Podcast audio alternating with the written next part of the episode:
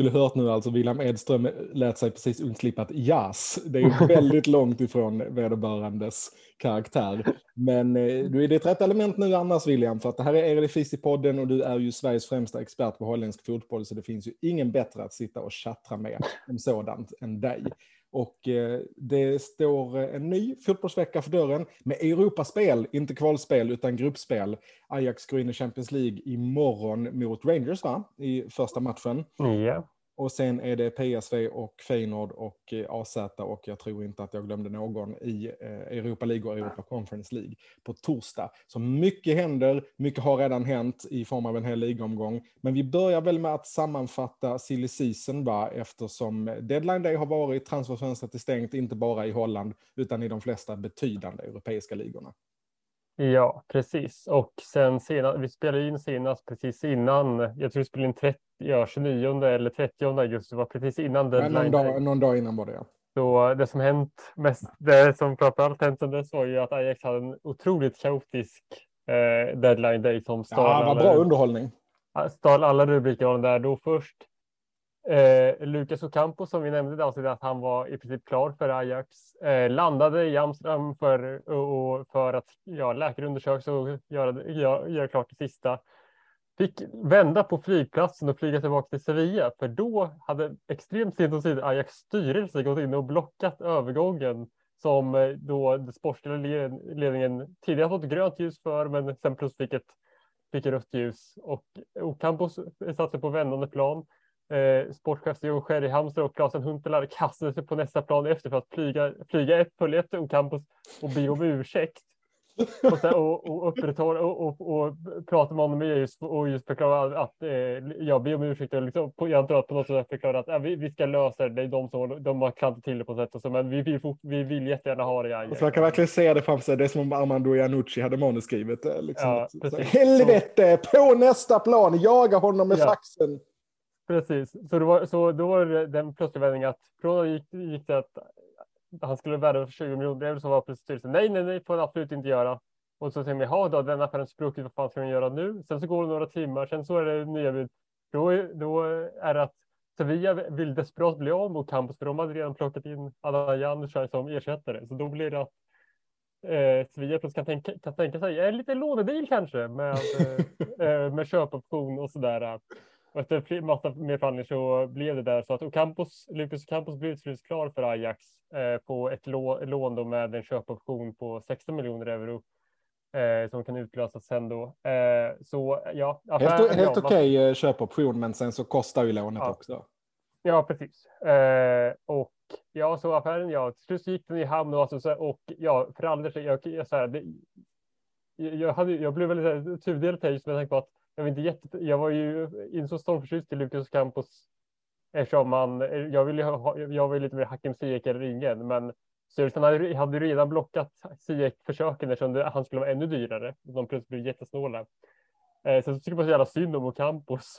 Sen så, så här, på ett sätt kan jag, kan jag förstå att, kan jag också känna att ja, det kanske är en bättre deal att gör, just göra ett lån och med en köpoption då än att köpa honom för 20 miljoner euro rakt, rakt av just nu, men det som är mest beklämmande är ju hur jävla amatörmässigt det ser ut. situationen fortlöper. Ja. ja eh, det ser ju inte, verkligen inte bra ut. Jag tycker det är pinsamt hur, och sen fortsatte ju Ajax styrelse liksom bete sig så här konstigt så att de sen blockade de ju när de försökte. Ja, de var på riktigt Ingvar Kamprad humör. Ja, och så för sen försökte ju Ajax värva Odysseas Vlachodimos från Benfica som ny målvakt och hade där också i princip klart och sen så säger styrelsen nej, det går inte för sig. Hade han 9 miljoner euro för en 28-årig målvakt, det är för dyrt. Och va? och, sen, och, och, så. Men så det blev ingen ny målvakt för Ajax, men det blev... Blo sen... Blockade i båda ändarna å andra sidan, för man blockade ju ett bud, ett rätt ordentligt bud på Edson ja. Alvarez från Chelsea också. Ja, precis, som kom in på det. Och så Alvarez ville ju lämna, men fick ju inte det och har väl sen, har ju sen lite, ja, krypit till korset och, och så där och spelat och gjort det bra sen och fått berömmarsgrödor och så. Men eh, Ajax sista värvning blev att man plockade in Florian Grilic på fri transfer. Eh, Bosman, det gick styrelsen med på. Kost, kostade ingen övergångssumma. Eh, alternativ slash framtida ersättare till Alvarez då, för ja. han kanske sticker i vinter istället. Ja, eh. precis. Chelsea är fortfarande på, där sägs det. Men jag tror det är väldigt eh, kaotisk dag för Ajax, där man ju framför allt då. Jag börjar ju med tänka lite att transformation som helhet för Ajax så tycker jag att eh, Sherry och Klasen Huntelaar har mycket beröm. Det var deras första, eh, för, första transfersommar sedan de fick ta över eh, sportchefsuppdraget efter Mark Wolfmars. Har, gör, har väldigt stor utgångsposition, gör det väldigt bra med tanke på alla spelare som försvann och drog och som de egentligen inte ville släppa men blev tvungna att släppa.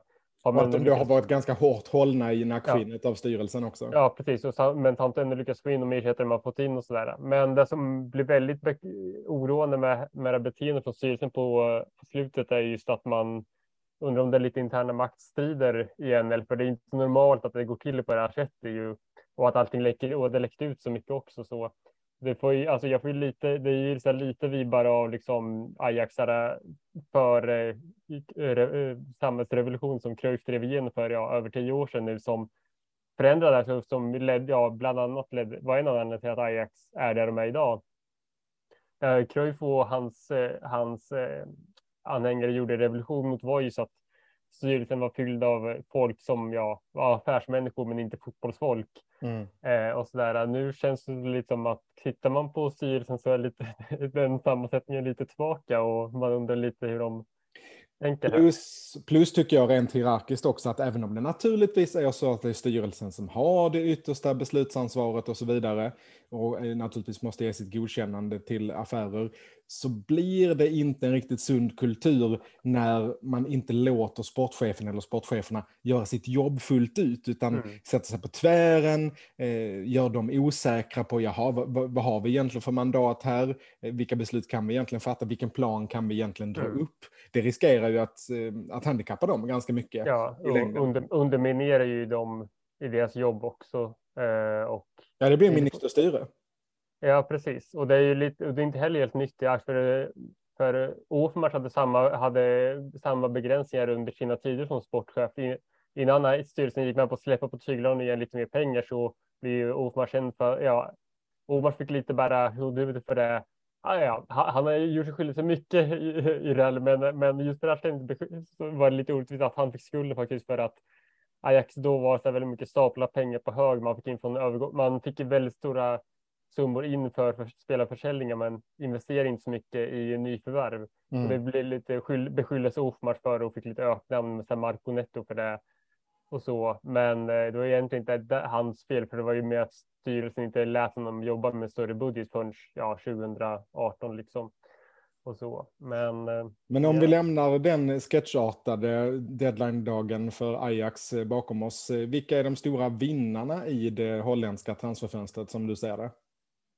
Ja, den sto stora vinnarna måste ju bli eh, PSV ändå rakt med tanke på de har kvar. De har kvar både Cody, Cody Schakpo och Ibrahima Sangare som båda lämnar för större klubbar i sommar och båda stannar kvar och gör med glädje. Det var inte så här.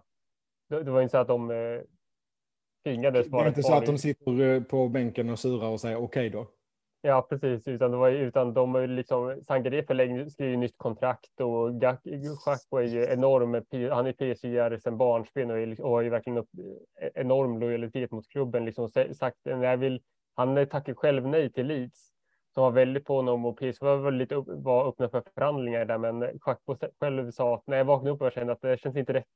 Och så sa jag att så det kan man ändå sympatisera med. Om jag vaknar upp om dagarna så tänker inte jag heller vad gött det vore att dra till Leeds. ja, precis. Men det skulle verkligen vara så att han liksom, de hade så här flyg och allting inbokat på morgonen och bara kände att nej, det känns inte rätt här. Och så lite, så, lite liknande med Jurgen Timber också som sa att han, eh, Tenacho vill såklart ha honom till Manchester United också, men Timber sa nej och sa att jag hade bara magkänsla. Alltså det var inte så här, för, för folk har sagt att ja, Timber valde att stanna Ajax för att han själv åt honom att eh, stanna i så att det garanterat speltid. Timber säger att nej, det är inte sant. Och så fan själv sa faktiskt att jag, jag, skulle få speltid i Manchester också, men eh, jag själv kände, det var bara en magkänsla som det handlade om att jag kände att jag ska vara kvar i Ajax i alla fall ett år till. Om du undrar vad jag grimaserar åt så var det att Marco Reus nyss gjorde ett fruktansvärt snyggt mål mot FCK i Champions League. Här. Jag har det på i bakgrunden. Men nej, som du säger, sen tror jag det spelar ju in, tror jag. Absolut. Mm. Den, ja. De orden från Fanchal eh, och som ja. jag är helt övertygad om att han har sagt. För han ja. skräder ju inga ord. Men jag tror ju också, precis som du är inne på, att Jurien Timber är en tillräckligt intelligent fotbollsspelare och person för att göra en större analys än så själv också. Mm, ja, men schack var också sagt väldigt smart på det sättet. Och eh, konstig grej med schack, konstigt att ryktet var också, som kom ut några dagar efter att fönstret hade stängt, då droppade, droppade plötsligt i media att eh, Schackbos eh, agentur hade erbjudit honom till Ajax, vilket alla inblandade reagerade på med va? För så Schackbo sa jag skulle aldrig gå till Ajax. PSV sa vi skulle aldrig säga, sälja honom till Ajax och Ajax sa nej, alltså vi har Tadic, vi har Bergvall, vi, är ganska fullt på hans position mm. liksom. Och så, och så det var jättekonstigt. Och så, men, men det verkar som att det liksom var agenturen själva som liksom tog en rövare utan att konsultera någon annan och alla bara reagerade med vad fan gör ni? Utöver att de har lyckats hålla kvar schack på Sangarea då, PSV och till och med då förlängt alltså med Sangarea faktiskt lite av ett power move skulle jag säga. Så har man ju fått in eh, den eh, gamla hederlige Luke de Jong, pålitlig målskytt, man har fått in Jos till eh, som är en bra värvning och så har det ju succé för Xavi Simons. Ja, verkligen. Månadens spelare i Eredivisie utsedd till idag. Fullt rimligt. För sin succéstart har gjort mål assist om vartannat i PSVs matcher. Eh, och så, så ja, så de är verkligen fönstrets klara vinnare med tanke på både att de lyckas behålla sina två bästa spelare och fylla på med flera ytterligare bra nyförvärv. De, de, ser ju de ser ju helt enkelt mycket bättre ut än förra säsongen. Ja, precis. Eh, det, det, är ju en bättre spelartrupp. Ja, eh, enda frågetecknet är ju lite för defensiven. Med mål, de är ny målvakt in i det Walter Benitez, men det känns fortfarande som att de lite söker efter stabil mål. För han har inte heller, han har redan gjort någon tavla och så där tid, mm. tidigt och så där. Så fortsatt att man söker efter stabilitet bakåt. Det är inte så jävla lätt när Ajax liksom skopar upp alla målvakter som finns. Precis. Anna vinner på mig säga är AZ också på samma tema med just att behålla spel, att Jesper Karlsson faktiskt är kvar, vilket är lite så här, äh, inte, in, inte lika um, triumfartat som, äh, som PSV, PSV lyckades behålla Schachbo på hans klubbkärlek och Sangare till och med förlängde kontraktet. AZ har ju kvar Jesper Karlsson, men det var ju mest för, för att, ingen ville betala pengarna de ville ha. Ja, det var ju en kombination att ingen ville betala deras priser på 20 miljoner euro kombinerat med att Jesper Karlsson varit skadad hela sommaren. Eh, och så, men han är ändå kvar och det kan ju och det kommer absolut bli jätteviktigt för dem i det långa loppet. Eh, ja, jag skulle säga, för jag ser att du har tjuvkikat lite manus här, så säger att du har skrivit honom som en potentiell förlorare i det här transferfönstret då, om man skulle vända på den steken. Jag kan nog ändå tänka med den här skadan han har haft nu, att det faktiskt är av godo för honom att han är kvar. Han får hösten på sig att spela mm. sig i form igen i ett lag som han är hemma i, där han är lite av en stjärna, eh, där han får visa upp sig i ett Europagruppspel och sen kan han gå i vinter istället han också. Ja, det är sant. Eh, annan, eh, andra vinnare är ju Heerenveen som dels har fått en helt ny defensiv stabilitet med nya tränare, som vi pratade om, nya tränaren Case van Wonderen från Go Ahead tog ju med sig Go Aheads målvakt Andris Noppert och ser ju som ett succévärvning redan verkligen. Han är ju redan spelat in i bruttolandslagstruppen Noppert och har ju knappt släppt in en boll. Och eh, samtidigt så har de också lyckats fått behålla Amin Sar. Han kom ju bara i januari Sar, men det har ju redan ryckts i honom i sommar eftersom han. Det har det ändå alltså? Ja, eh, och så eftersom man inledde succéartat i våras och, och fortsatte glimta direkt där i augusti. Har det Men, inte ryckts i eh, hans anfallspar hästar?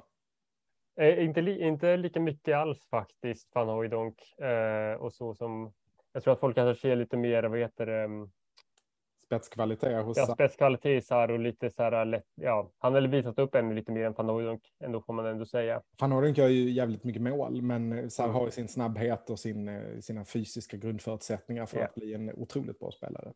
Men ja, det är starkt att de har lyckats behålla honom och man får också säga att Twente har gjort ett väldigt bra fönster. Mm.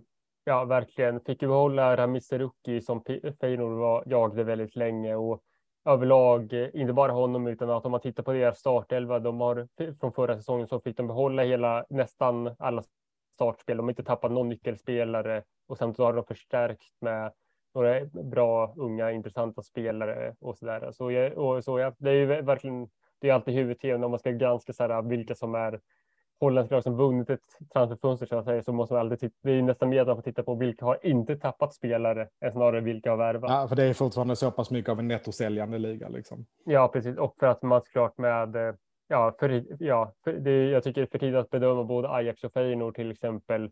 Just för, att, för båda lagen har haft väldigt stor rullians i sommar, mycket spelare både in och ut.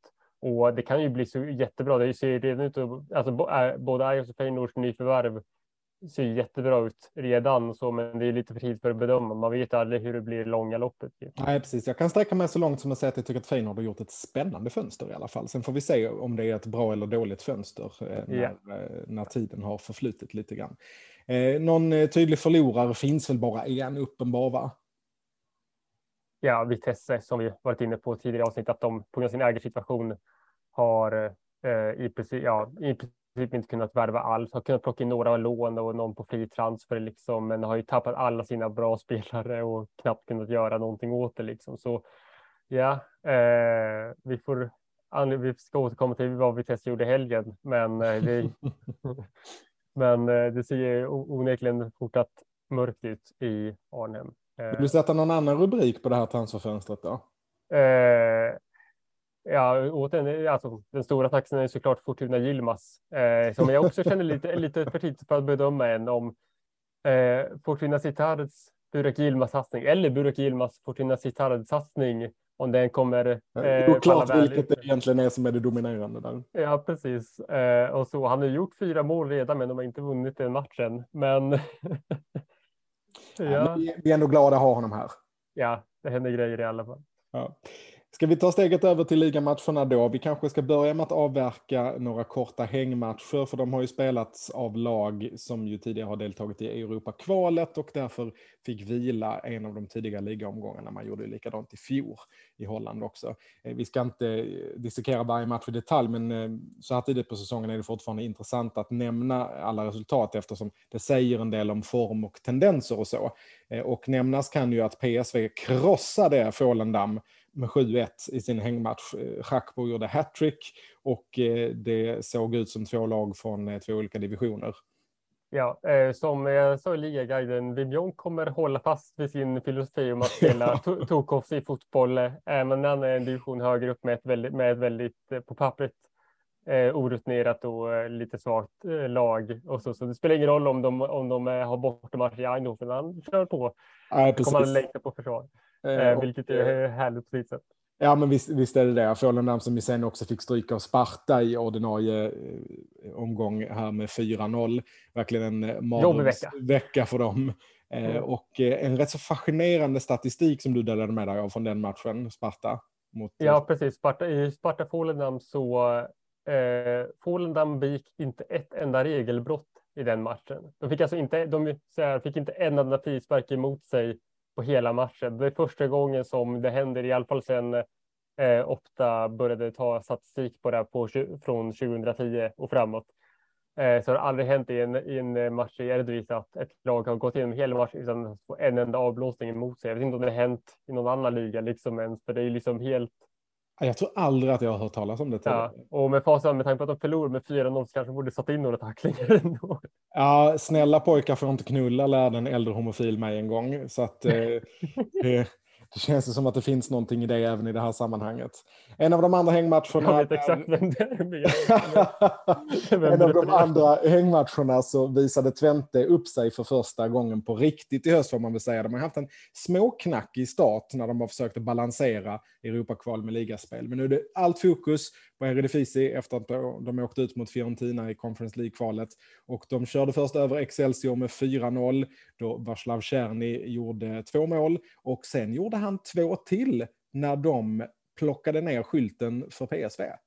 Ja, precis. Så en eh, succévecka då för Twente och väldigt kul. Eh, Czerny tillbaka från skada igen. Eh, alltid skadeproblem med den eh, spelaren, väldigt fin spelare eh, och så, men eh, väldigt eh, styrkebesked av Twente och om vi ska återkomma där till PSV då med eh, det säger ju lite, det är kanske lite talande känner jag ändå PSV att de slår Polen med 7-1. Wow, vilken insats. Oj, oj, shit vad bra PSV är.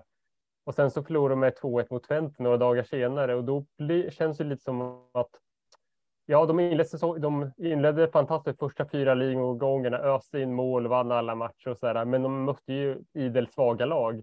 Ja, men de har ju också släppt in en hel del mål, va? Det har varit ja, så, de, de släppte in då in ett mål mot Frölunda. Mm. Det blev 5-2 mm. mot typ Go-Ahead eller eh, något sånt eh, motstånd. Mm. Eh, och något, ja, mot Go-Ahead, ja precis. Och 5-2 även mot Vitesse. Så att man har släppt in ganska mycket mål även mot svaga lag som ju de då har kunnat mm. avfärda mm. i längden. Här stöter ja. de för första gången på ett, ett motstånd som har en väldigt stark offensiv och uppenbarligen en tillräckligt bra defensiv för att stryk, strypa dem någorlunda. Och då blev det mm. förlust.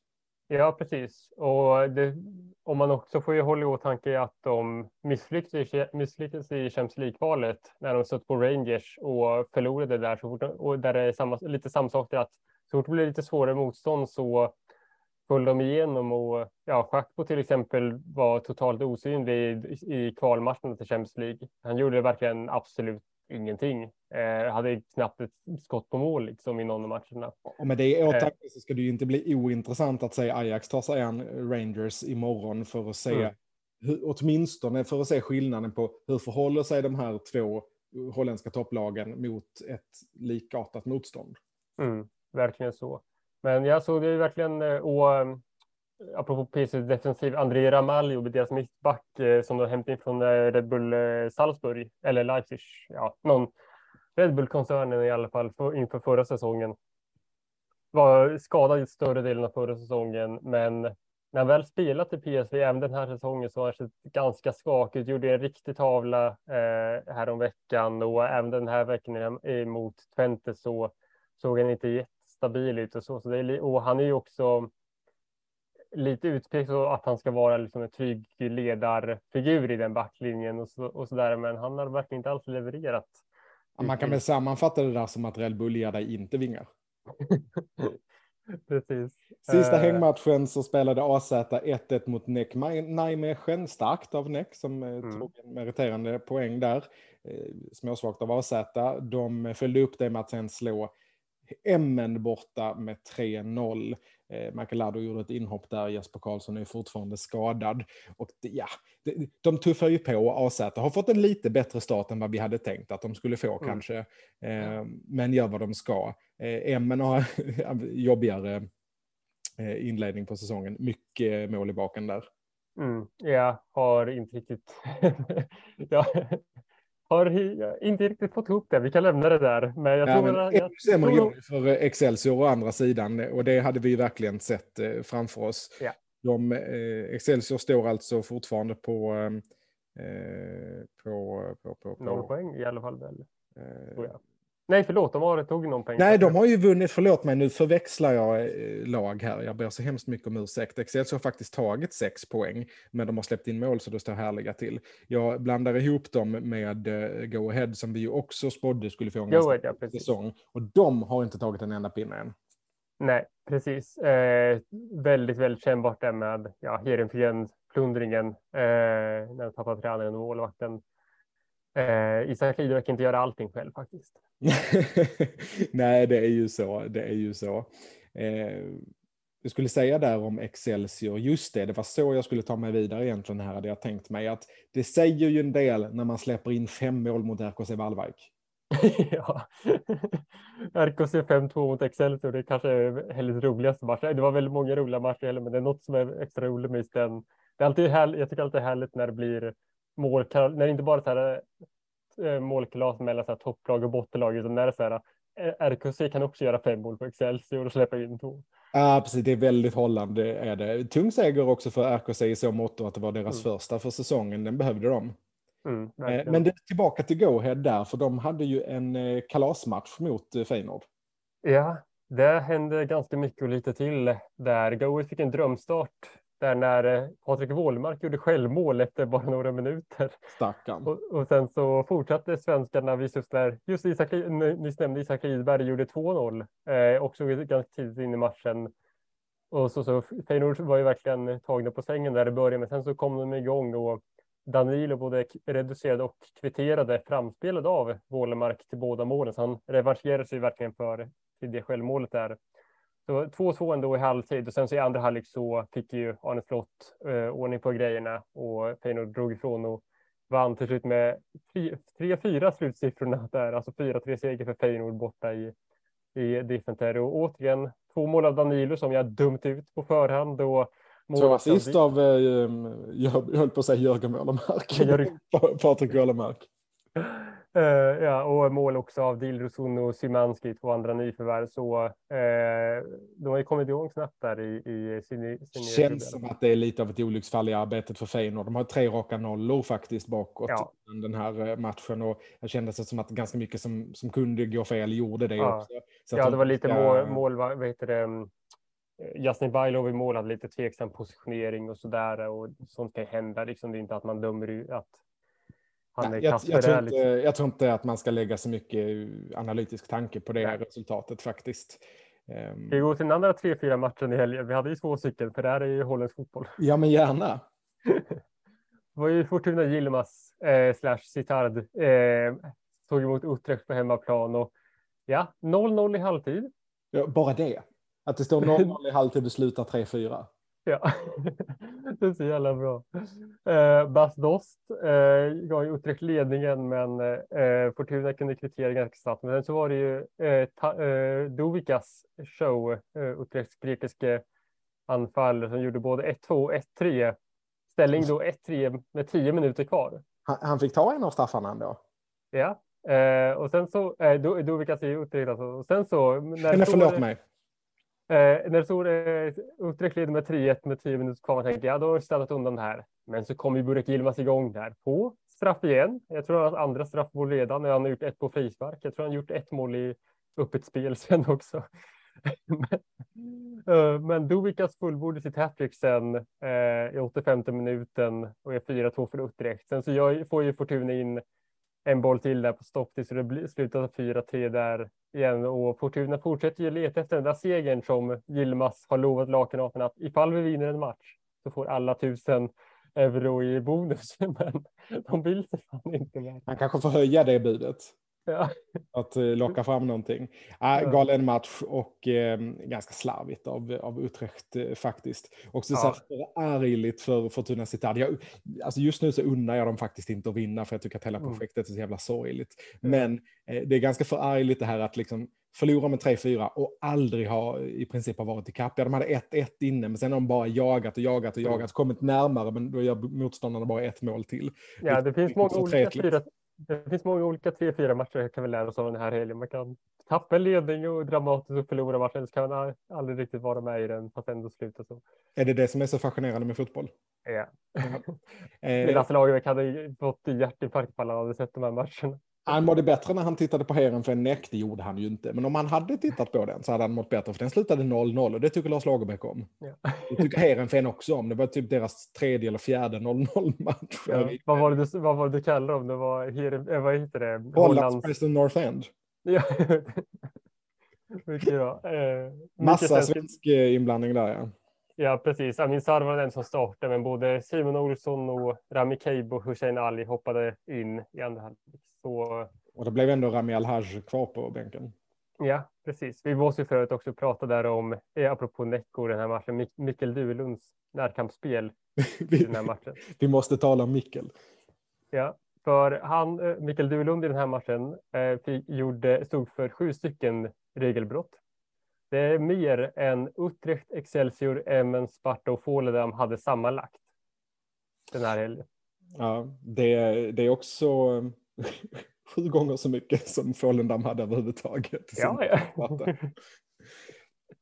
Men ja, det, fast, fast, du fan säger det ändå inte mer om de där lagen än vad det säger om Mikkel Duelund. Jag tycker att det ändå säger någonting om både för Mikkel Duelund och offensiv mittfältare slash ytter. Men pressglad. så in i helvete.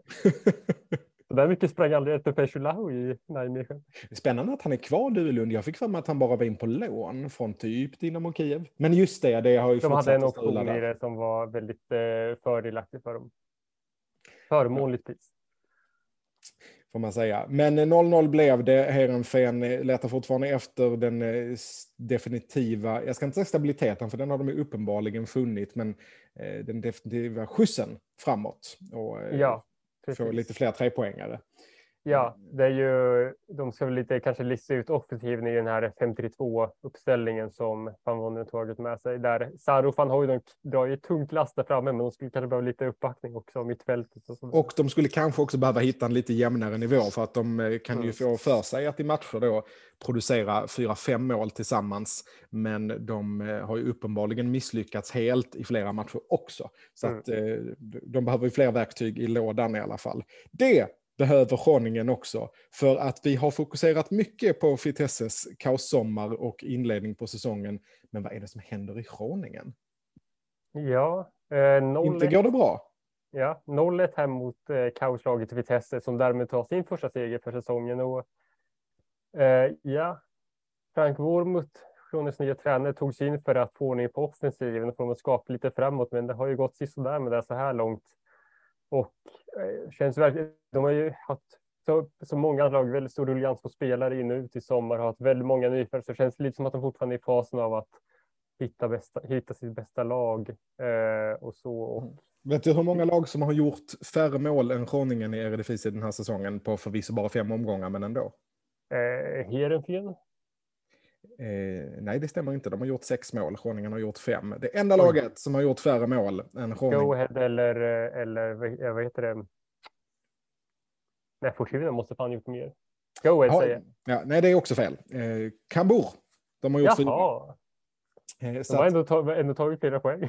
Eh, Go Ahead har eh, gjort fem, precis som Groningen. Det är några stycken som står på fem. Men det är alltså i det här laget som då, det var därför jag ville ta upp det, eftersom du sa att Wormuth kom ju in för att just implementera ett offensivt spel efter att de har tråkat ihjäl motståndarna under Danny Böjs i ett par säsonger.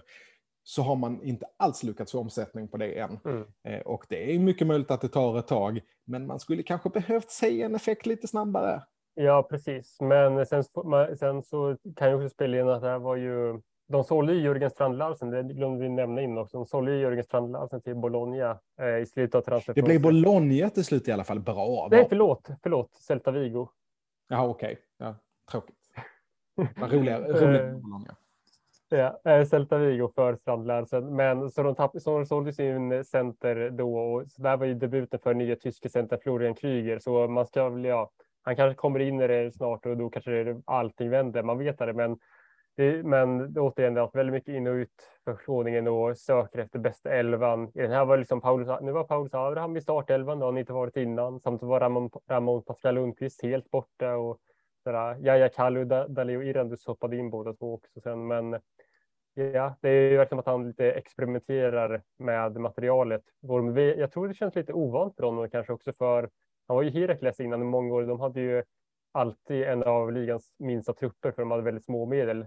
Så Herakles hade väl, var ju väldigt mycket en startelva, ett par bänkspelare och det var ju det han gick runt på egentligen. Här i Kroningen så har de ju 25, nästan 30 spelare ifall man räknar in lite från u laget Ja, och sen är det väl faktiskt lite mer av press här också. Kroningen är ändå en större klubb mm. vad Herakles är, eh, som har underpresterat under ett par säsonger, framför allt i fjol, de har ett tag var nästan inblandade i nedflyttningsstriden, som ju förvisso då failades av eh, Vormunds Herakles.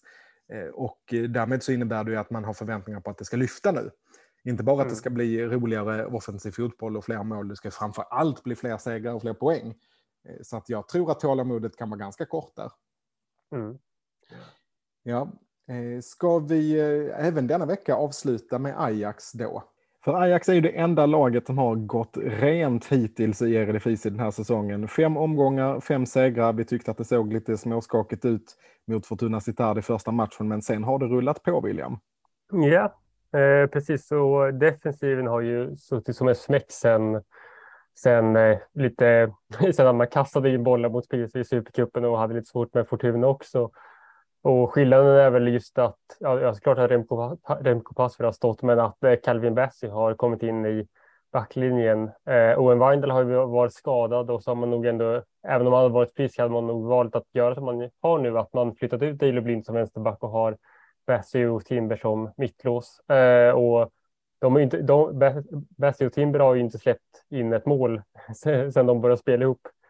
Eh, vilket ju är väldigt eh, kul. Men, eh, Ett finfint nyförvärv, Bassi, ja. lite i skymundan tycker jag av, av andra ja. namn som man har pratat mycket om. Jag såg, ursäkta mig, såg någon intervju med honom också, tyckte att det verkar vara en väldigt klok och eh, liksom eftertänksam person. Ja, har verkligen gett intryck av att vara en genomsnäll eh, människa och väldigt rolig. Och så det man förstått, det var också väldigt många Rangers-fans som eh, skrev, sa det också när han Ajax värvade. Bruk, det brukar vara ganska givet att kolla igenom lite vad, vad blir reaktionerna från fansen från klubben när han, man just köpt en spelare ifrån på att man på att spelet försvinner för dem. Eh, och alla Rangers-fans vad jag kunde se var ju jättele, var, var ju väl så här, eh, antingen jätteledsna över att de blev av med Bessie eller så här, ja, väldigt så här, vi önskar honom all lycka till, fantastisk kille, ni kommer få en ny favoritspelare och så där, vilket ju så här långt jag kan verkligen kan se vad de menar. Eh, och sen så framåt har det fortsatt stämma, även om det inte, kanske inte riktigt, det är inte riktigt eh, lika fin, eh, fint eh, flytande kanske som mot Groningen när man vann med 6-1 när Antoni fortfarande var kvar, men ändå 4-0 här mot Kamburu och eh, Steven Bergwijn fortsätter ju bara göra mål på allting, två nya mål och det var en Rencho, Mamadou Kudus gjorde mål också sen. Eh, men det är ju verkligen viktigt att man fick igång Kudus också som vi var väldigt sura att han inte fick lämna. Eh, både han och Alvarez spelare gjorde eh, bra i den här matchen. Eh, men eh, ja, det, det känns verkligen... ganska viktigt att de får spela direkt i Champions League nu också så att eh, mm. de känner att de får vara med i de roliga inom citationstecken matcherna också. Mm. Ja, precis. Alvarez kommer i start som vanligt. Kudus kommer ju förmodligen hopp, vara på bänken, kanske få ett inhopp eh, mot Rangers också. Eh, men alltså Ajax är ju enda felfria laget så här långt, har fem vinster av fem möjliga eh, och topp i tabellen och såklart. Eh, annars så, ja, P PSV har ju lite... Ja, förlåt.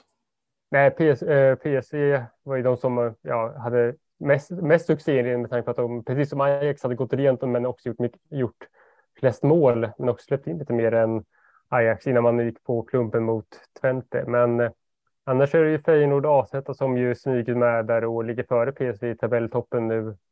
Också Twente är ju också eh, de som har fyra segrar. Eh, men ja, eh, vi har ju pratat lite, vi pratade lite innan också om Go Ahead och Fortuna som fortfarande väntar på sin första seger och det är väl, eh, ja, det är väldigt talande på något sätt att Polen, som släpper in alla jävla mål i hela världen, ändå inte ligger sist för att de har i alla fall kunnat vinna en match. Det har inte, har ja, inte handlar om att vinna rätt matcher, de matcherna som man förväntas eller behöver vinna för att klara sig kvar när man är ett bottenlag då naturligtvis. Det har vi sett i så många olika serier. Man kan i princip mm. ställa ut skorna mot topplagen eh, om man förväntar sig att förlora där ändå. Ta Kamburs 09 förlust mot Ajax förra året var en konsekvens av flera saker såklart.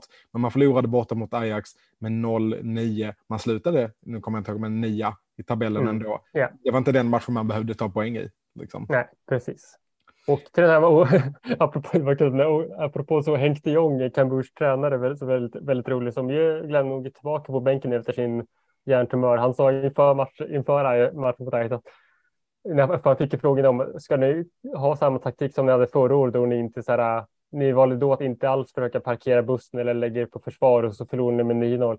Ja, jo, vi har tagit lärdom av det och vi kommer ju anpassa. Vi kommer inte lägga oss helt på försvar, men vi har lärt oss av det och ja, nu har anpassat sig lite så det blir bara 4-0 den här gången. Men det är ett steg i rätt riktning får man ju säga.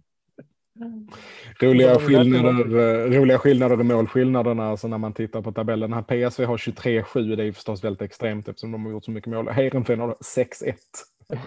Det är två olika sätt att inleda en säsong på. Ja, precis. Eh, men jag som, jag, som nämnde, Xavi, Xavi Simons i PSV blir ju sett till månens spelare och han och Schackbo och Bergvall som vi pratat väldigt mycket om i det här avsnittet är de som eh, stuckit ut mest så här långt.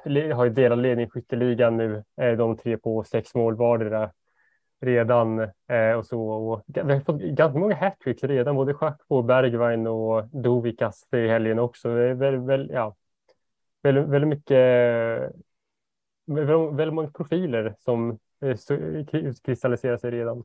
Ja men verkligen. Fan jag är så jävla glad över att det går så bra för Steven Bergwijn. Eh, Ajax sympatier, ärvda sådana och åsido så, så tycker jag bara att det, ligan mår så jävla bra när man tar hem en profil som är från landet i fråga, som återvänder från en stor klubb utomlands och faktiskt också levererar. Det ger så mm. mycket mer värde till ligaupplevelsen tycker jag.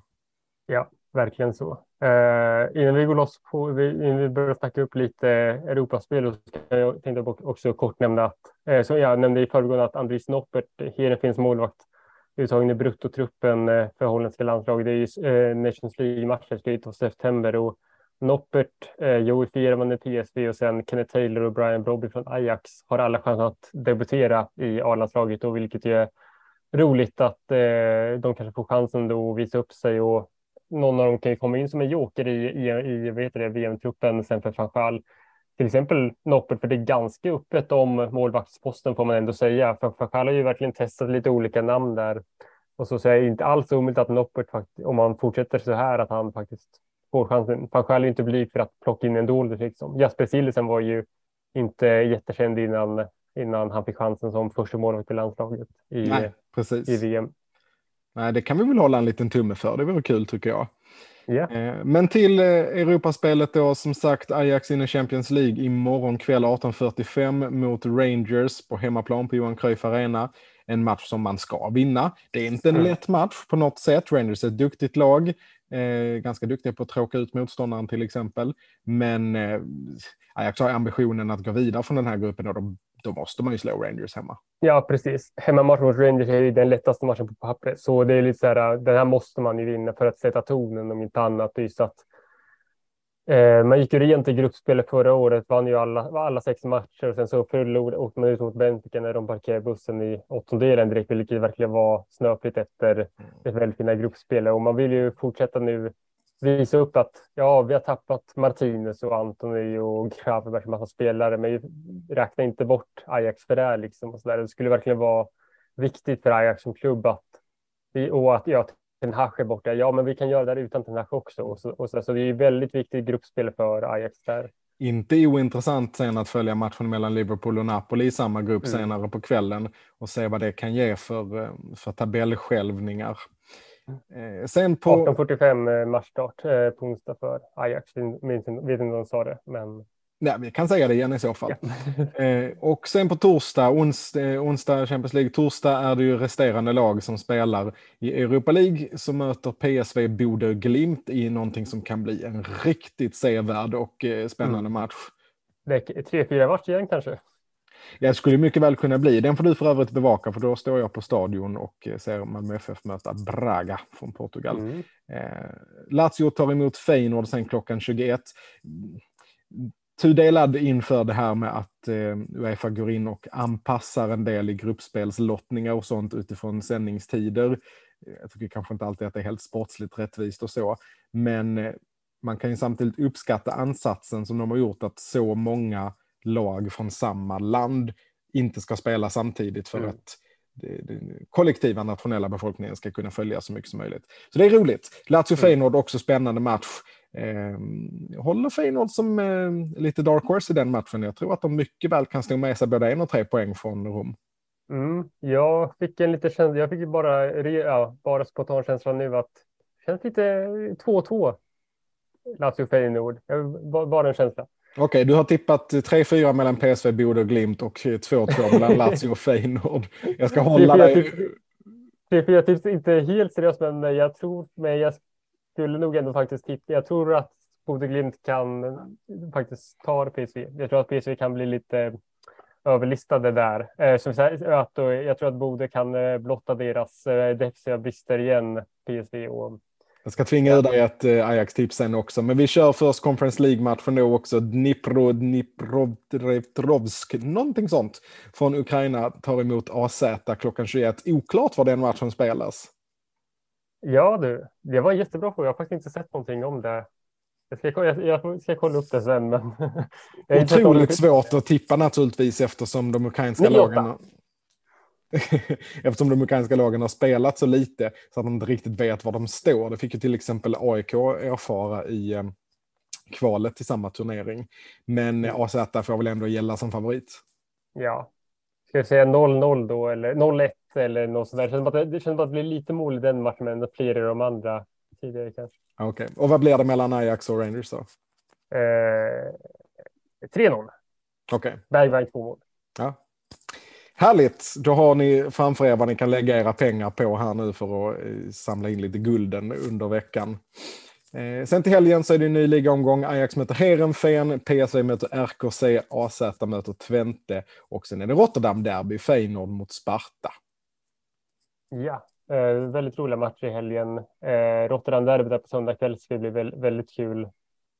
Ja, det ska, det ska du fira valdagen med. Ja, just det. Ja, just det. det ska vi göra också. Det, kan, det kanske vi kan göra. Vi kommer säkert att umgås den kvällen. För du kommer hem ja. nu till veckan, William. Då kan ja. vi slippa och Zoom-podda på ett tag sen. Det ska bli skönt. Ja, det ska bli mycket. Men eh, vi säger så för, länge, eh, för nu, hörni. Eh, ha en härlig fotbollsvecka och faktiskt från djupet av våra hjärtan, ta ert ansvar, gå och rösta på söndag och rösta medmänskligt.